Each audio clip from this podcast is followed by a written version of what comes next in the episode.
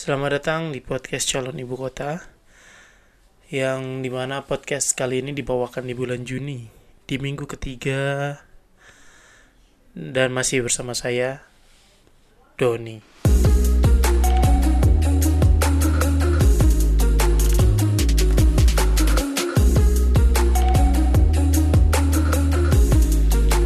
Ya apa kabar teman-teman semuanya? Uh, untuk podcast kali ini sebenarnya uh, saya ingin bercerita tentang masalah dunia kerja secara pribadi dari saya. Karena hari ini ada hal besar yang terjadi di di pekerjaan saya yang entah saya harus bersyukur atau seperti apa. Tapi sebelum jauh ke ke cerita tersebut, uh, saya pengen cerita uh, masalah dunia kerja. Itu berdasarkan pengalaman saya, bagaimana awal mula saya masuk ke dunia kerja, konflik-konflik dan tantangan-tantangan di setiap di setiap uh, pekerjaan. Yang kebetulan kali ini uh, saya mempunyai dua pengalaman uh, di dunia peker di dunia kerja yang cukup cukup berpengaruh di kehidupan saya. Yang pertama uh, pengalaman saya waktu kerja di Indonesia dan uh, yang kedua pengalaman kerja saya waktu di Australia dan sampai saat ini gitu. Hmm, sebelumnya saya memulai dari awal dari dari awal mula saya bisa bekerja un sebagai anak sebagai uh, anak muda sebagai anak muda yang baru lulus kuliah uh, impian utamanya adalah mencukupi dirinya sendiri. Begitu juga dengan saya waktu itu. Kebetulan saya uh, berkuliah di, di jurusan pertambangan yang mana kesempatan kerja ketika itu tidaklah cukup sulit untuk mahasiswa-mahasiswa seperti saya gitu. Dan kesempatan itu saya dapatkan awal mula saya ketika uh, ada pengumuman di mading kampus bahwa salah satu perusahaan multinasional uh, saya sebutkan aja lah karena perusahaan sekarang sudah merger juga yaitu Lekton Kontraktor Indonesia yang bergerak di bidang pertambangan singkat cerita saya lah mendaftar lah di di uh, pencalonan beasiswa itu. Uh, kita diminta untuk menulis esai masalah masa depan dunia pertambangan. Akhirnya akhirnya saya tulis uh, esai yang pada akhirnya kita terpilih kalau nggak salah lima besar deh. Lima besar dari jurusan tersebut beberapa orang dari kakak tingkat dan uh, seangkatan saya. Karena ketika itu yang diminta minimum adalah seangkatan saya yaitu angkatan 2008 kemudian uh, kita tes di kantor uh, Balikpapan di BSF Balikpapan Support Facility. Perusahaan tersebut kita saya tes beserta, beserta kalau nggak salah dua atau tiga orang teman saya. Dan kakak kakak tingkat saya gitu. Dan dan akhirnya uh, terpilihlah dua orang.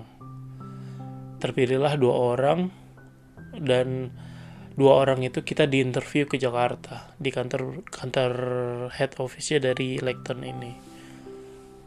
Saya diinterview di Jakarta akhirnya saya di di belum diterima sih sebenarnya. Masih diinterview oleh tiga orang. Kalau nggak salah dua orang bule dan satu orang orang Indonesia. Yang di mana ketika itu saya sama sekali nggak tahu bahasa Inggris. Jadi saya menjawab pertanyaannya seperti apa? Jadi ada satu orang yang memang di, di, diminta oleh mereka untuk menjadi translator mahasiswa yang akan diberikan beasiswa waktu itu. Dan uh, dan kemudian saya adalah bagi uh, karena menurut mereka bahasa Inggris ketika itu adalah bahasa Inggris hanyalah fasilitas fasilitas uh, manusia untuk berkomunikasi dengan orang orang lain sesimpel itu. Dan saya memang du dari dulu memang nggak ada keinginan untuk belajar bahasa Inggris gitu. Dan kemudian uh, beberapa minggu kemudian dapatlah saya telepon dari Pak Teddy Sadrak. Ingat sekali aku terima kasih Pak Teddy. Ya mungkin nggak akan mendengar podcast ini tapi ya saya terima kasih sama beliau. Uh, beliau nelpon saya. Dan kemudian akhirnya uh, saya diminta untuk ke Jakarta untuk untuk seremonial menerima beasiswa tersebut. Uh, akhirnya saya saya ke Jakarta untuk seremoni untuk terima beasiswa itu beserta dua orang lainnya dua orang lainnya itu satu dari ITB dan satu dari Universitas Lambung Mangkurat. Dan untungnya ITB itu memiliki uh, eh, MOU untuk bekerja sama dengan Universitas New South Wales di Sydney. Dan akhirnya yang anak ITB ini karena kampusnya memiliki MOU tersebut jadi dia diberikan beasiswa untuk belajar di New South Wales selama uh, dua semester kalau nggak salah. Jadi jadi kayak studi banding gitu. Dua semester di New South Wales dan dan setelah tiket bertemu tiga orang tersebut setelah itu nggak ada kabarnya lagi. Tapi saya masih ingat namanya yaitu pertama Bima yang lainnya adalah Noval dan saya bertiga gitu. Dan sedikit cerita saya kembali melanjutkan perkuliahan sampai akhirnya saya lulus. Uh, ketika saya lulus ternyata uh, perusahaan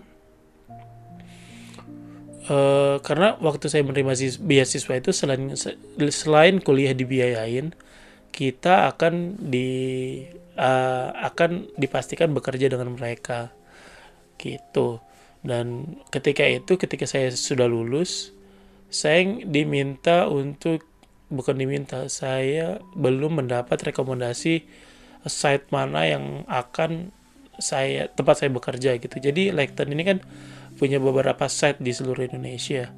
Kalau nggak salah ada di Tapanuli ada di Sumatera ada di Manado ada di di Samarinda di Kalimantan Timur ada di Kalimantan Tengah. Terus kalau nggak salah ada di di Kalimantan Selatan juga ada.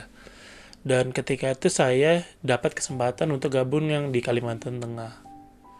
Gitu. Jadi eh, dari lulus sekitar bulan Oktober sampai bulan bulan Desember kelulusan saya saya nggak ngapa-ngapain. Saya di rumah aja dan sempat buka usaha. Nanti mungkin akan saya ceritakan di podcast selanjutnya karena di masa itu saya cukup cukup kesulitan secara ekonomi. Dan akhirnya pada tanggal 3 Januari 2013 saya diminta untuk berangkat ke Kalimantan Tengah tepatnya di desa Batu Buah. Yaitu kalau secara bukan secara ya kalau dalam perjalanan dari Balikpapan saya harus terbang ke Palangkaraya atau saya terbang langsung ke Muara Tewe bisa juga. Tapi lebih seringnya langsung terbang ke Muara Tewe pakai pesawat Susi Air pesawat yang kecil itu.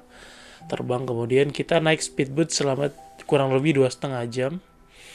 Dan kemudian naik uh, bus selama satu jam. Jadi kurang kurang lebih menghabiskan waktu sehari untuk berangkat ke site gitu sampailah saya di site.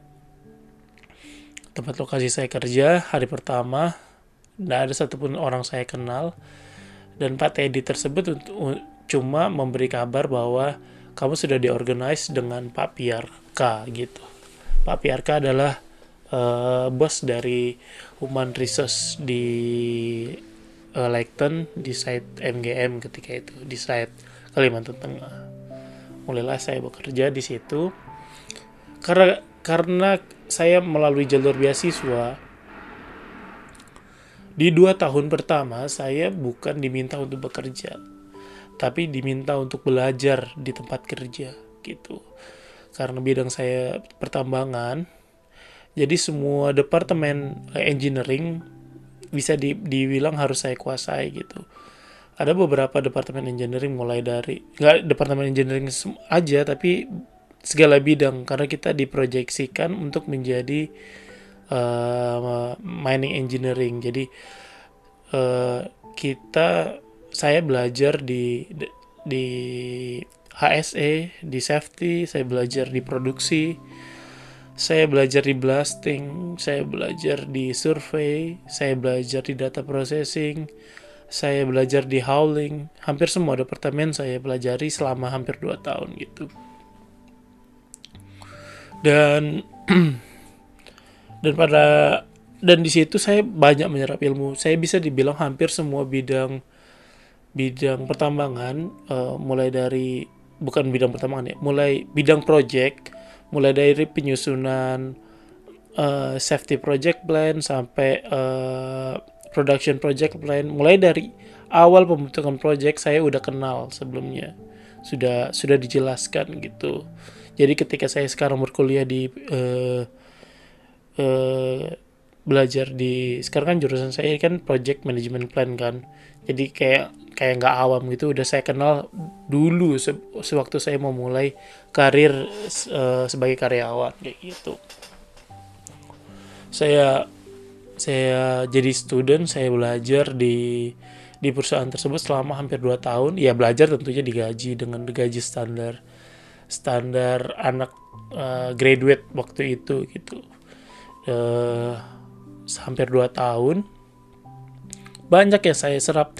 Saya bisa dibilang apa ya keahlian saya Microsoft Excel keahlian saya di software tambang keahlian saya di perizinan blasting keahlian saya penyusunan uh, safety play, JSA dan lain-lain sebagainya itu saya memang pelajari waktu itu dua tahun itu gitu. Karena di masing-masing dep departemen saya di sudah ada kayak schedule-nya gitu. Jadi di departemen ini sekian lam, sekian bulan gitu dan harus pelajari ini ini ini ini, ini. Dan setiap di akhir setiap di akhir setiap di akhir pembelajaran katakanlah di safety gitu.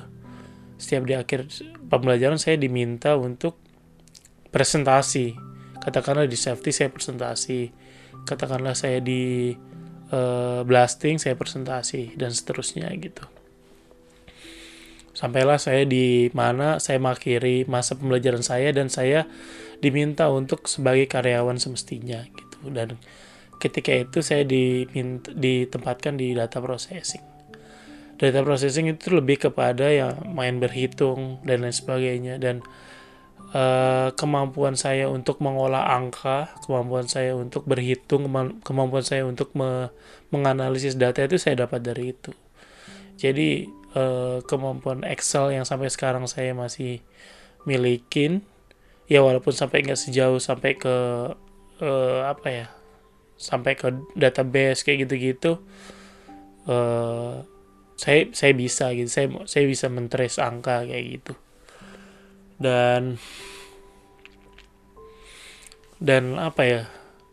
Dan situ saya banyak belajar terutama untuk di data processing itu saya diajarin banyak oleh Pak Setia. Pak ya bisa dikatakan senior saya bos saya juga gitu. Dia dia berpengaruh banyak di kehidupan saya. Ada momen di mana saya sangat sangat apa ya sangat terharu lah sama beliau gitu. Di di saat uh, ketika waktu itu perusahaan lagi resesi banyak perusahaan tambang resesi dia dia termasuk orang yang dia termasuk orang yang apa ya sangat diperlukan oleh project gitu. Karena memang keahlian dia mengolah angka keahlian dia membaca rencana kayak gitu. Dan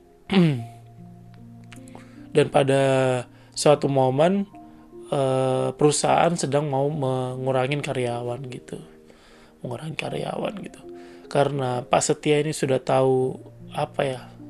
Pak Setia ini sudah tahu background aku seperti apa.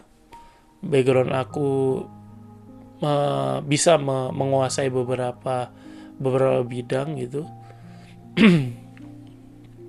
Mungkin beberapa orang memang uh, skeptis gitu sama saya menganggap remeh saya gitu. Tapi saya nggak anggap nggak anggap itu permasalahan yang besar karena waktu itu juga saya masih muda dan termasuk yang paling junior gitu. Tapi dalam hati saya mungkin kalau diadu ya boleh nih kayak gitu. Tapi saya nggak pernah menanggapin orang-orang yang menganggap, menganggap remeh saya ketika itu gitu.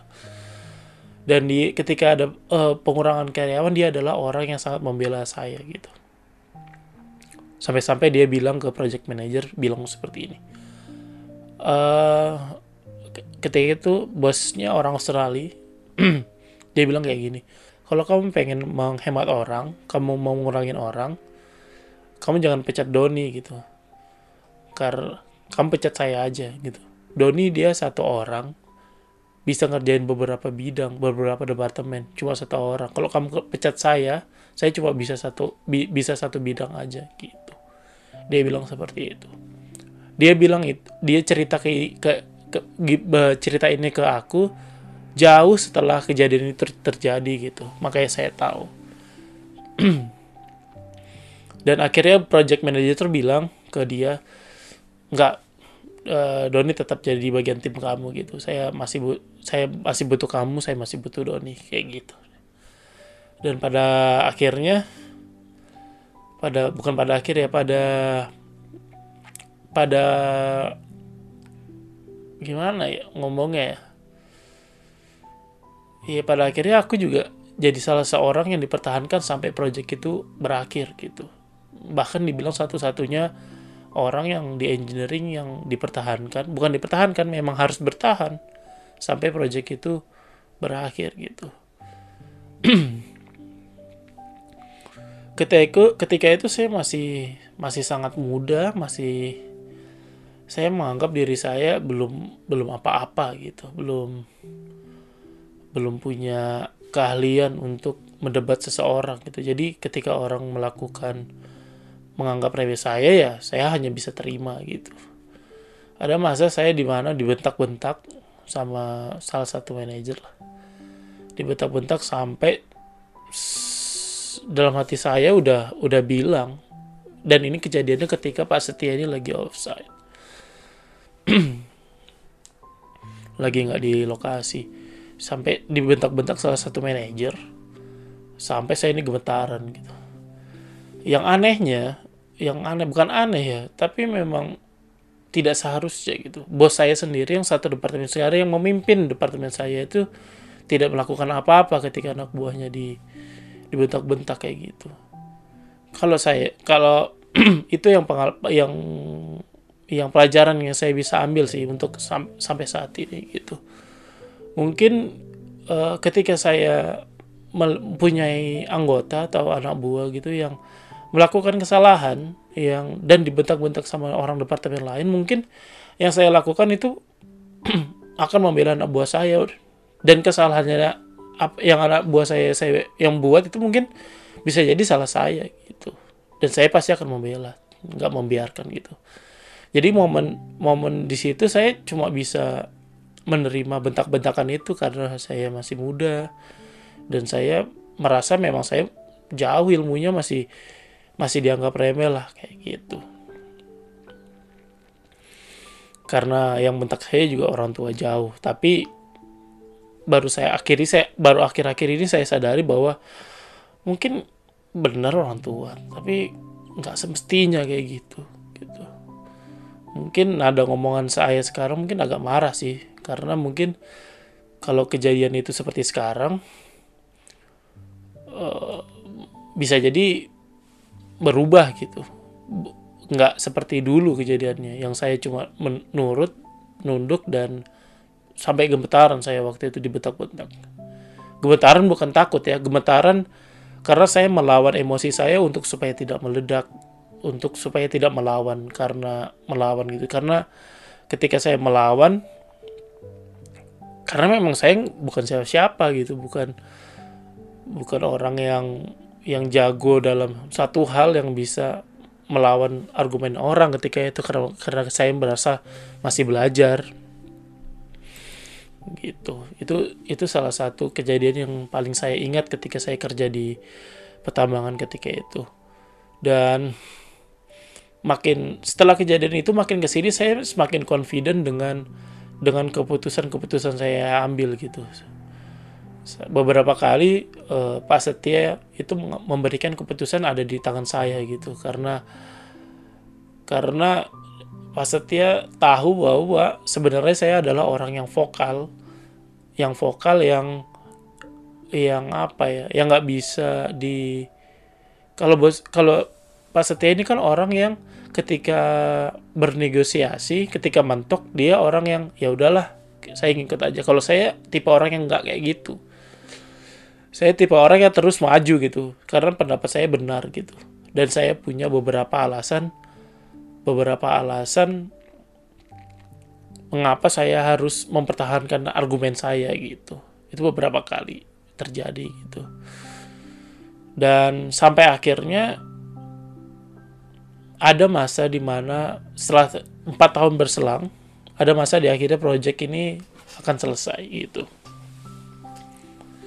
Project ini akan selesai. Jadi ketika itu project selesai dan ad, saya adalah satu satu satu satunya orang yang uh, ter, tertinggal tertinggal di perusahaan tersebut untuk meneruskan kontrak-kontrak yang harus diselesaikan, rekonsiliasi yang harus diselesaikan dengan klien gitu. Sampai ada momen saya harus harus rekonsiliasi berapa jumlah bangunan, berapa jumlah kasur, berapa jumlah kulkas, TV dan lain sebagainya, saya harus rekonsiliasi dengan pihak klien gitu. Dan ketika karena ketik dan karena kepemimpinan waktu itu karena kepemimpinan di project itu kan terus berselang kan. Karena uh, project manager itu selalu akan diberikan target oleh general manager atau managing director untuk ke target untuk setiap targetnya ketika nggak tercapai akan diganti. Nggak tercapai akan diganti dan waktu akhir project itu agak pelik kejadiannya. Agak pelik itu karena perusahaan yang aku tempat aku bekerja sedang merger.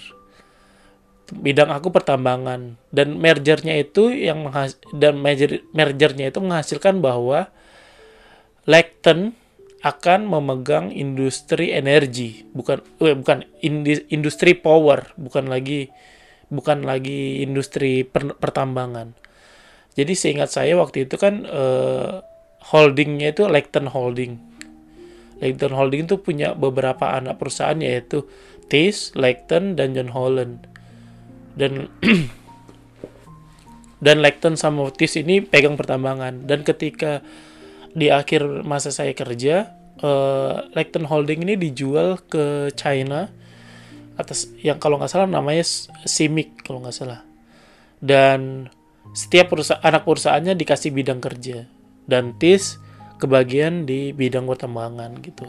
Pada akhirnya uh, tempat saya bekerja itu atas nama TIS lagi bukan atas nama Leighton lagi gitu. Karena major ini mengakibatkan status status karyawan menjadi menjadi rumit gitu. Apakah akan mendapat pensiun atau akan mendapat kontrak baru itu masih masih gantung gitu. Karena di tempat saya project pergantian perusahaan itu ber, bersamaan dengan project close project closing jadi penutupan project jadi banyak banyak karyawan yang di, dipecat gitu. Banyak karyawan yang diputus hubungan kerja karena memang projectnya sudah hampir selesai gitu. Dan pada akhirnya uh, saya waktu itu memang dihadapkan untuk uh, akan ada dihadapkan untuk uh, eh, PHK juga pemutusan hubungan kerja saya dihadapkan dengan itu juga. Sebelum di masa-masa PHK itu saya diminta untuk ke Melak. Salah Melak itu Kalimantan Timur salah satu project saya nyetis juga sebagai drill drill blast engineer gitu. Dan sebelum itu goal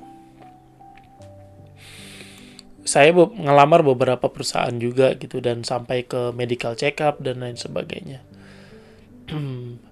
Dan adalah momen di mana uh, eh, saya memilih ini saya singkat aja ceritanya lah saya memilih untuk pergi ke Australia atau saya lanjut bekerja di pertambangan gitu gitu. Karena uh, saya sudah punya empat tahun pengalaman yang saya bisa bilang saya di pertama sudah tahu A sampai Z. Dari mulai project safety project plan production project plan dan lain sebagainya. Kayak gitu saya sampai di project closure yang reconcile yang sampai satu buah bantal aja dihitung saya sudah pernah ngalamin. Jadi ya udah saya harus cari cari cari tempat baru nih gitu. Dan tempat baru ini nggak banyak yang tahu dari da, dan nggak banyak kerabat saya yang tahu. Akhirnya saya berangkatlah ke Australia Australia tanggal 28 Oktober 2018 eh 2016 uh, eh, setelah setelah tiga bu berapa dari Maret ke Oktober. Setelah hampir enam bulan. Enam bulan tidak bekerja enam bulan berpikir. Enam bulan itu mempersiapkan segala sesu sesuatunya untuk berangkat ke Australia. Akhirnya berangkatlah ya berangkatlah aku ke Australia untuk mencari uh, mencari pengalaman baru soal bekerja. Selain pengalaman baru soal bekerja tentunya juga kehidupan baru Kenapa saya memilih Australia? Kenapa saya memilih bidang kerja lain? Karena ketika itu saya saya cuma dihadapkan dengan waktu itu saya bekerja dengan schedule 4 minggu 4 minggu kerja 2 minggu off yang mana satu bulan full saya harus di lokasi dan dua minggu saya di rumah jadi bisa kalau dibandingkan ya berarti kerjanya sekitar dua hari kerja satu hari satu hari gak kerja gitu ya tapi yang saya rasakan adalah itu. Saya menjalani empat tahun. Kok saya merasa hidup ini skip gitu ya? Hidup ini kok merasa lewat gitu aja gitu. Padahal semestinya hidup itu punya perjalanan punya perjalanan yang yang bisa dirasakan. Mungkin lebih tepatnya hidup ini cuma sekali. Harusnya nggak cuma itu itu doang sampai akhir ayat sih. Waktu itu yang sangat kuat terlintas di kepalaku gitu. Di umur 20 berapa ya? 25 di umur 25 saya sudah punya tabungan yang hampir nggak usah sebut tangga yang lumayan sangat besar. Yang saya dihadapkan untuk bahwa uh, saya banyak uang. Nggak banyak uang saya punya punya kebutuhan punya duit yang cukup. Tapi kok hidup saya begini ya? Maksudnya saya kok melewatkan hidup ini cuma begitu aja gitu loh. Dan akhirnya saya memutuskan ke Australia. Dengan uh, berbekal sedikit pengalaman. Ketika ke Australia saya sudah tidak memutuskan untuk bekerja di tambang lagi gitu. Walaupun kesempatannya sangat besar gitu di Australia untuk bekerja di tambang. Saya bekerja awal mula datang ke Australia bekerja di di manufacturing. Uh, kalau teman-teman tahu Lush itu adalah tempat tempat kerja saya pertama kali di Australia gitu dan saya surprise. Saya dibayar 200 ribu satu jam. Dan dalam seminggu saya dalam dua minggu saya dapat 14 juta. Yang mana itu saya bisa saya dapatkan sebulan mungkin nggak mungkin lebih di Indonesia. Saya di, dalam dua minggu saya dapatkan 14 juta akhirnya saya terus kerja sampai sekitar tiga bulan lah di perusahaan ini. Akhirnya saya memutuskan untuk pindah lagi ke Queensland ke Australia Utara. Saya bekerja di bidang pertanian gitu. Ternyata saya lebih surprise lagi saya bisa dapetin 20 juta dua minggu. Sampai-sampai bisa sampai 25 juta dua minggu gitu lebih surprise lagi. Akhirnya hampir dua tahun hampir satu setengah tahun sorry satu, hampir satu setengah tahun saya kerja di di pertanian di warehouse di di lapangan di pedik semua hampir saya bisa rasakan kerja di pertanian. Sampai makanya saya begitu mengagumi pertanian Australia itu karena memang memang apa ya? Uh, jangan dibayangkan pertanian Australia itu sama pertanian di Indonesia mirip gitu. Jauh jauh berbeda gitu. Pertanyaan di sini udah semua serba simpel. Penyiraman sudah dilakukan secara otomatis dan perawatan itu dilakukan secara otomatis. Dan kebun bisa dibilang kebunnya tuh nggak ada yang kecil kebunnya luas luas sekali. Dan kita untuk dari satu satu tempat ke tempat yang lain kita tuh harus pakai bagi gitu. Bagi itu kalau di Indonesia mirip apa ya? Mirip ATV berarti ATV gitu. Saya kerja di situ. Dengan dengan gaji yang saya sebutkan tadi itu satu tahun setengah berselang dan berbagai macam konflik karena kita namanya bekerja bekerja di tempat begitu kita bertemu dengan negara-negara lain, kita bertemu dengan orang Jepang, kita bertemu dengan orang-orang Chile, kita bertemu dengan orang orang Prancis, kita ketemu dengan orang Jerman gitu. Dan mereka mereka bekerja di pertanian itu bukan hal yang hal yang apa ya? Hal yang remeh gitu. Mungkin di negara kita eh kamu malah petani ya gitu. Kalau di Australia kalau dia dia anak petani udah pasti orang kaya, coy. Udah pasti, udah pasti itu udah pasti punya Mustang udah pasti punya excavator sendiri udah pasti punya doser sendiri gitu. Dan beda dengan di pertanian kita di Indonesia itu kan pertanian itu dikonotasikan dengan orang yang susah orang yang miskin gitu. Karena memang negara kita seperti itu gitu.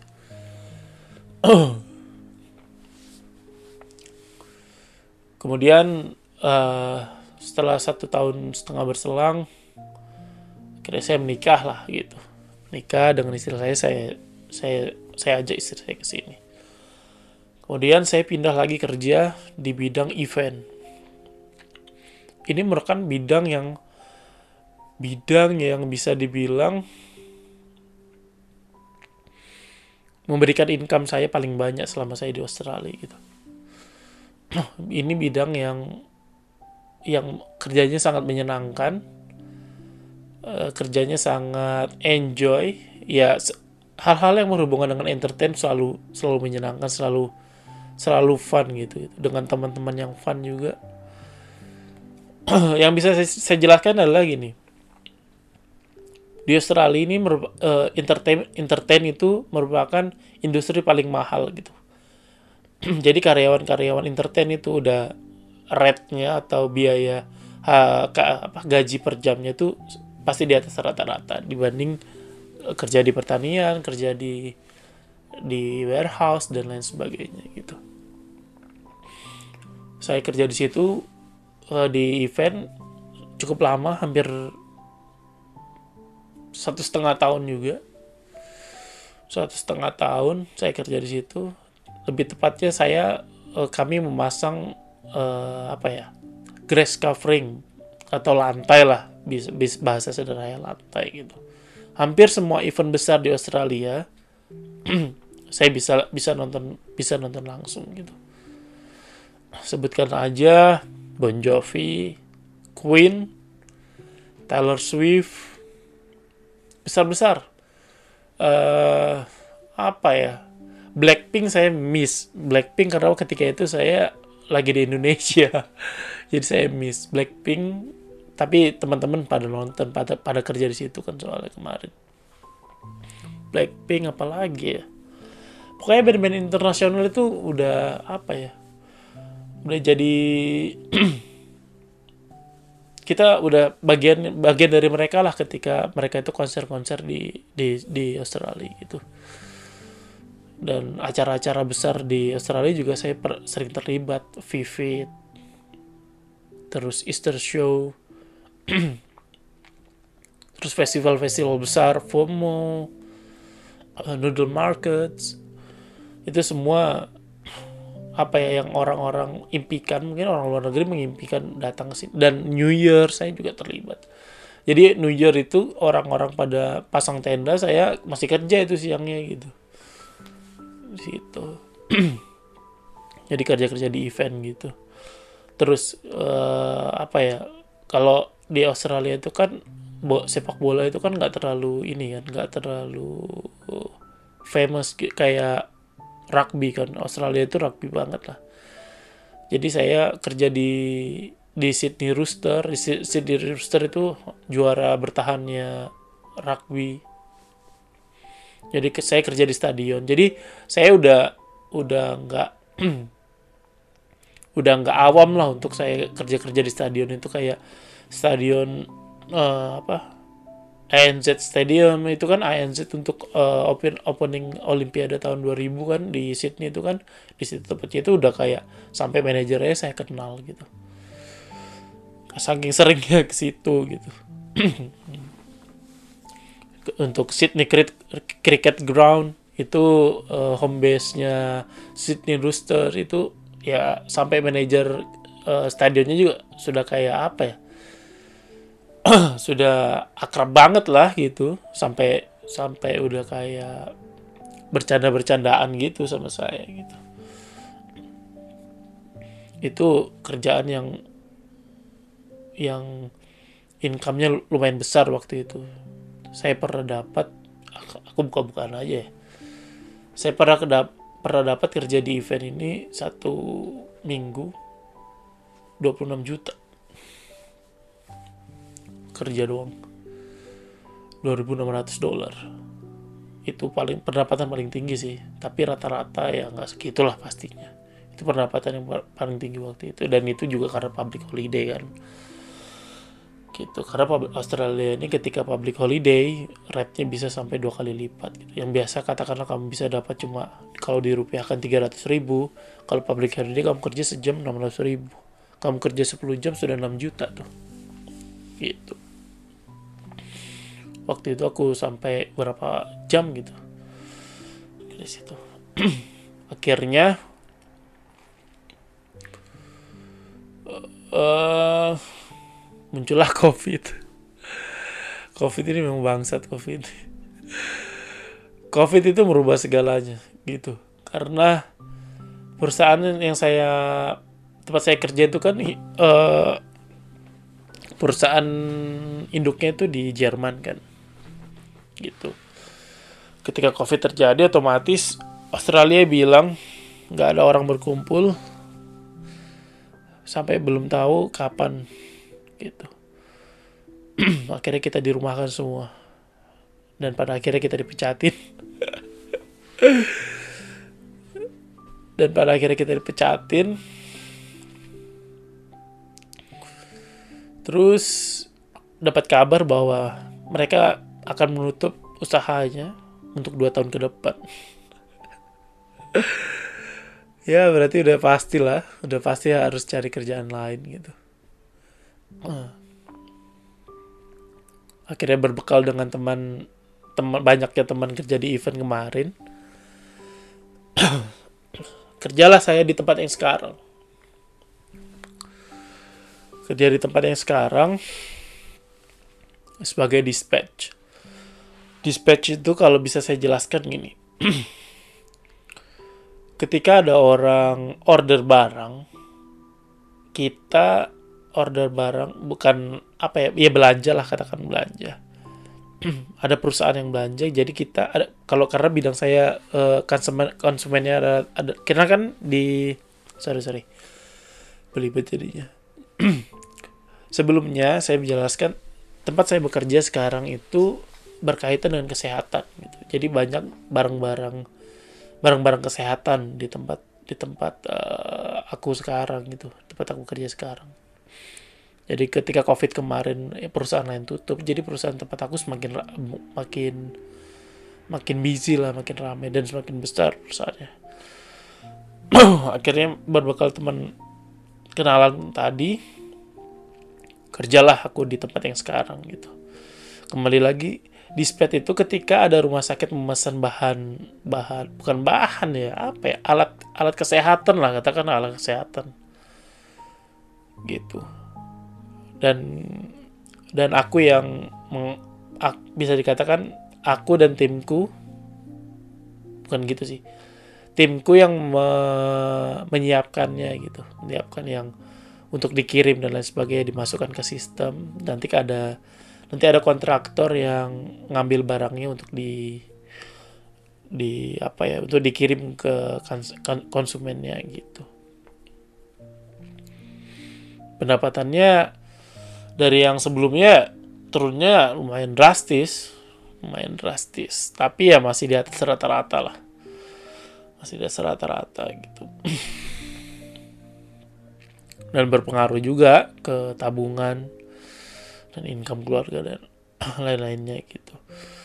Sampailah pada hari ini. Saya awalnya casual gitu. Kalau teman-teman tahu casual itu adalah ketika kamu bekerja ketika kamu bekerja kamu uh, kamu dibayar ketika kamu kamu nggak bekerja kamu nggak dibayar sudah sesimpel itu gitu dan dihitung berdasarkan jam gitu itu casual artinya kamu kerja 10 jam dibayar 10 jam gitu ketika saya baru mengawali kerja lagi ini karena kemarin covid itu yang menghancurkan semuanya itu tapi untunglah Allah Tuhan masih sayang sama saya gitu sampai keluarga saya. Jadi saya diberikan kerjaan lain lagi berasal uh, berbekal teman kenalan yang tadi itu. Dan sampailah pada hari ini saya didatangin jadi jadi perusahaan tempat saya kerja itu bisa dikatakan family family business. Dia nggak kecil tapi nggak besar banget gitu. Ya warehouse-nya kayak besar juga sih warehouse-nya bisa dikatakan kayak hanggar pesawat gitu. Lumayan besar gitu tapi family family business gitu. Yang di mana kalau aku tanya-tanya sejarahnya sebelumnya dia cuma dijalankan cuma 10 orang. 10 orang karyawan gitu ya sampai saat ini mungkin ada sekitar 30-an orang kali gitu ya. 30-an ada mungkin 35 kali ada gitu. Sampailah hari ini saya dibawain kertas gitu. Dibawain kertas. Ternyata saya ditawarin untuk salary itu di mana salary itu um, uh, gimana ya ngejelasin? Salary itu berapapun berapa jam berapapun jam kamu kerja di minggu itu minggu itu kamu akan mendapat gaji yang sama gitu. Selama setahun gitu. Yang aku syukurin itu ternyata dalam setahun kita dikasih satu bulan full untuk libur dan tetap dikaji. Langsung saya telepon istri saya telepon istri bawa cerita-cerita gini. Istri masih bingung ini apa benefitnya? Kan sama aja ibaratnya kamu gajian seminggu cuma dirapel jadi satu bulan gitu. Karena kan kalau salary jadinya monthly basis kan. Ya artinya kamu akan dibayarnya beras tiap bulan gitu.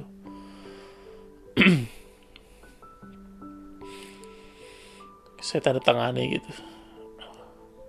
Saya pulang. Saya pikir-pikir kok perjalanan perjalanan pekerjaan saya kok kayak gini ya maksudnya uh, Tuhan itu kok kasih kasih jalannya kok selalu tidak pernah apa ya tiba, tidak pernah yang sangat menyusahkan saya. Susah pernah susah pernah tapi yang sangat sangat susah belum pernah dialamin sih gitu. Dan mudah-mudahan jangan gitu. Dan saya kayak model terima kasih banget sih sama sama Tuhan ini kok bisa gitu loh. Di setiap step kehidupan saya soal bekerja itu kok jalannya tuh selalu selalu ini ya selalu ada aja gitu jalurnya. Ya sampai pada hari ini gitu dan aku juga kaget tadi kok bisa ditawarin seperti itu gitu. Yang mungkin akhir tahun ini bisa saya ambil liburannya ke Indonesia gitu. Untuk liburan di Indonesia selama satu bulan full gitu. Dan karena kan kalau kalau casual itu bisa dikatakan kalau kita nggak kerja pulang ke Indonesia kita nggak dapat apa-apa tuh. Itu kayak yang saya alami dulu jauh.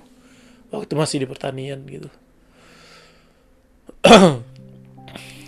Ya malam ini tuh pengen cerita itu aja sih gitu bahwa wah,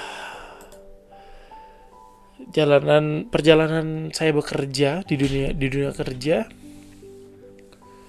lumayan banyak pengalaman ya banyak banyak hikmah banyak banyak hikmah yang bisa dipetik gitu loh.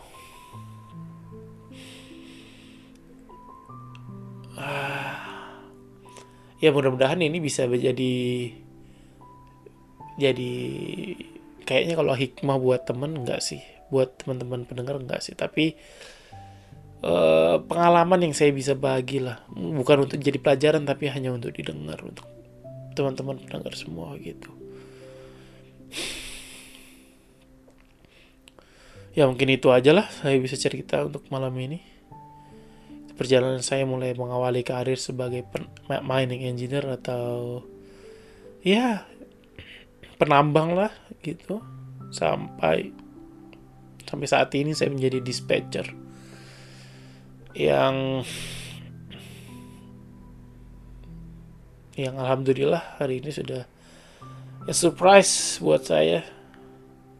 Ya mudah-mudahan rezekinya di situ gitu.